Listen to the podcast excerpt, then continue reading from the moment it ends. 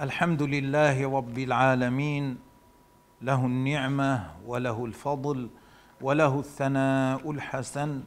صلوات ربي وسلامه على سيدنا محمد وعلى آله وصحبه الطيبين الطاهرين.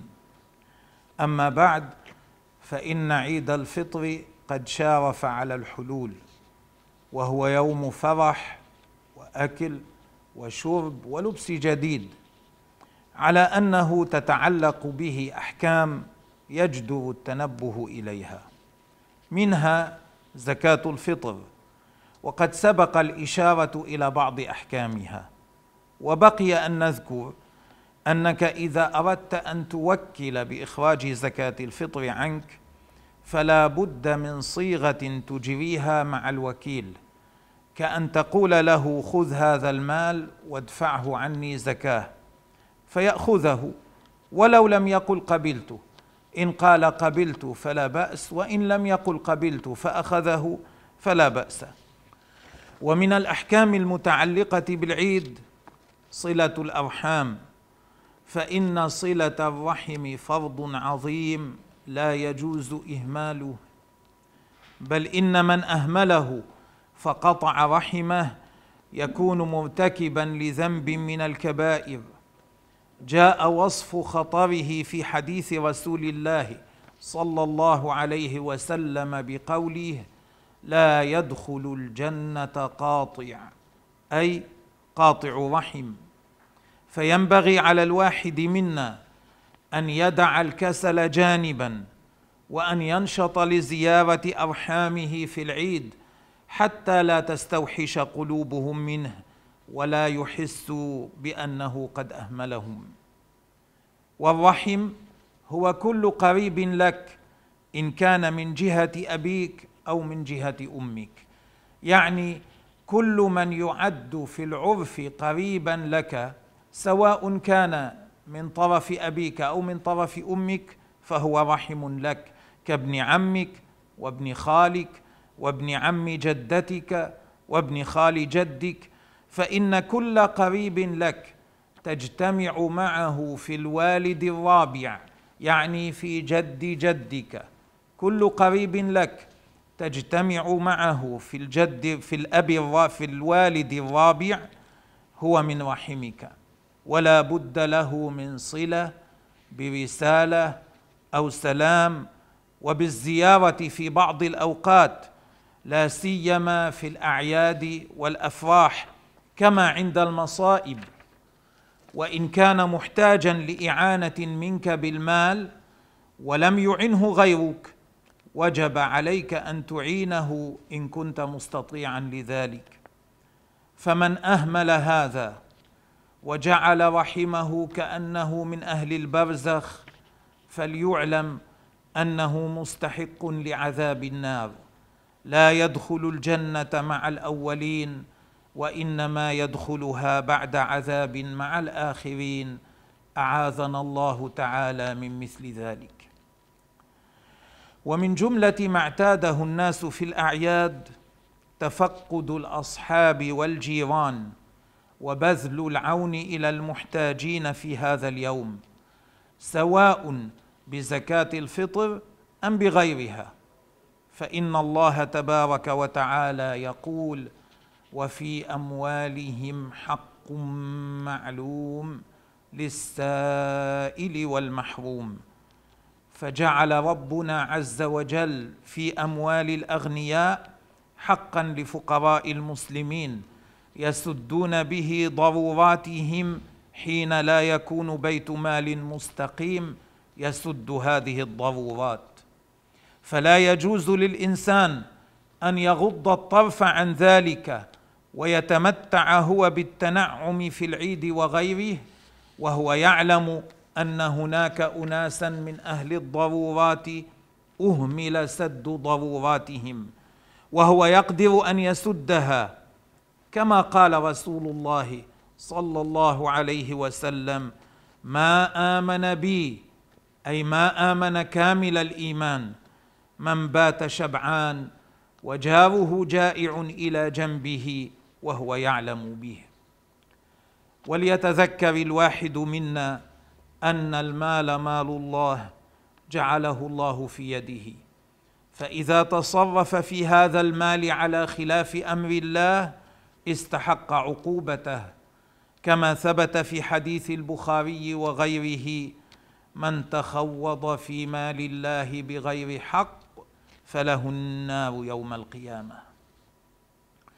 وقد ذكر لنا تاريخنا أمثلة ناصعة عن أناس فهموا هذا الأمر حق الفهم. من جملتهم جمال الدين محمد الأصفهاني وزير نور الدين زنكي رحمهما الله. فإنه كان ملجأ الملهوف.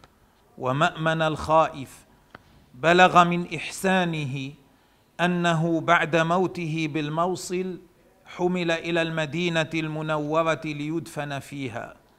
فكان كلما قدم مدينة من المدن يتنادى الناس للصلاة عليه ويجتمع لذلك خلق كثير. كان يرسل الصدقات للفقراء في شرق البلاد وغربها. ويتصدق فوق ذلك كل يوم بمئة, بمئة دينار عند باب منزله. وكان يضيق على نفسه وعلى أهل بيته حتى يتصدق. فربما جيء بالقندز حتى يلبسه. قيمته خمسة دنانير. فيقول اشتروا لي واحدا بدينارين وتصدقوا بالثلاثة. ومن جملة إحساناته أنه عمل مجامع للماء في عرفات وأجرى الماء إليها من نعمان في أنفاق تحت الجبل معمولة بالكلس ليشرب الحجاج وغرم على ذلك مالا كثيرا وكان يعطي أهل نعمان كل سنة مالا كثيرا حتى يتركوا الماء يجري من عندهم إلى هذه المجامع أيام مقام الحجاج في عرفات. وتعذرت الأقوات في بعض السنين في المو في بعض السنين في الموصل وغلت الأسعار. فدعا الشيخ عمر الملاء رحمه الله تعالى وسلم إليه مالا وقال أخرج هذا المال على مستحقيه فإذا فرغ أرسل إلي لأنفذ إليك غيره. ففرغ في أيام قليلة لكثرة المحتاجين. فأنفذ إليه مالا آخر. ففني. ثم أرسل الشيخ إليه يطلب منه ما يخرجه فقال للرسول والله ما عندي شيء ولكن خذوا هذه الأشياء التي في داري فبيعوها وتصدقوا بثمنها إلى أن يأتيني شيء آخر. فأرسلوها فباعوها وتصدقوا بثمنها. وعرفوه ذلك معناه نفد هذا أيضا فلم يكن عنده ما يرسله فأعطاه ثيابه التي كان يلبسها مع العمامة التي كانت على رأسه وأرسل الجميع. وقال مع ذلك للرسول قل للشيخ لا يمتنع من الطلب. فهذه أيام مواساة. فلما وصلت الثياب إلى الشيخ عمر بكى وباعها وتصدق بثمنها. وحضر عنده مرة رجل فقيه وهذا قبل أن يصير جمال الدين وزيرا. فطلب منه شيئا وزاره في بضعة أيام ثم انقطع. ما عاد يراه. فسأل عنه فقيل إنه سافر فشق ذلك عليه آلمه ذلك كيف أخرته إلى أن ذهب من غير أن أعطيه ما طلب. ثم قال هكذا تنصرف الأحرار عن دور الكلاب. يعني نفسه. وردد ذلك غير مرة. ثم سأل عنه فقيل إنه سار إلى ماردين فأرسل إليه خلعة ونفقة إلى هناك.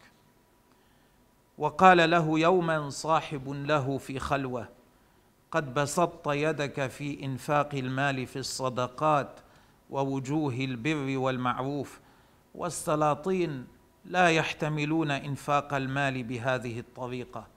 ولا تصبر نفوسهم عليه ولو أخرجه الإنسان من ميراثه. فانظر لنفسك كيف المخرج مما قد دخلت فيه. وكان ذلك بعد موت نور الدين, الشهيد رحمه الله. فأطرق ساعة وقال جزاك الله خيرا لكن الأمر قد عبر عما تخافوه وأبى أن يغير حاله الذي عليه. فنكب بعد مدة وحبس فلم يشتغل في محبسه إلا بأمر آخرته. ثم قبل وفاته قال لرجل صالح كان يخدمه في الحبس إذا جاء طائر أبيض فعرفني. فقال هذا الصالح في نفسه قد اختلط الرجل معناه بدأ عقله يضيع.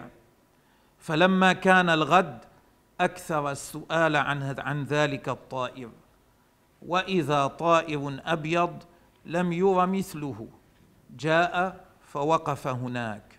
قال فقلت له جاء الطائر. فاستبشر. ثم قال جاء الحق. وأقبل على ترديد الشهادة وذكر الله وتوفي. فلما توفي طار ذلك الطائر. قال فعلمت أنه رأى في منامه شيئا في معناه. طولت. في ذكر ما يروى عن هذا الرجل وهو قليل في جنب مآثره في الحقيقة وإنما هو غيض من فيض من مآثره. وذلك للحاجة إلى هذا في هذه الأيام للحاجة إلى تذكر مثل هذه السيرة.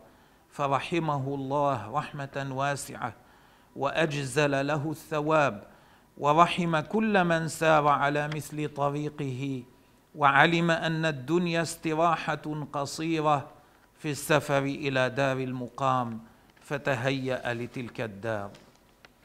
أيها الأحباب إنما يفرح بالعيد حق الفرح من عمل لمرضاة الله وللثواب. وأما فرح العاصي المنغمس في الكبائر فما أقرب ما ينقلب غما وحزنا وحسرة وندامة.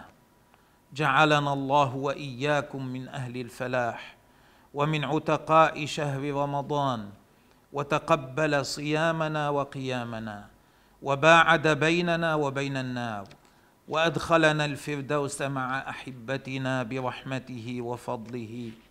آمين. والسلام عليكم ورحمه الله وبركاته وكل عام وأنتم بخير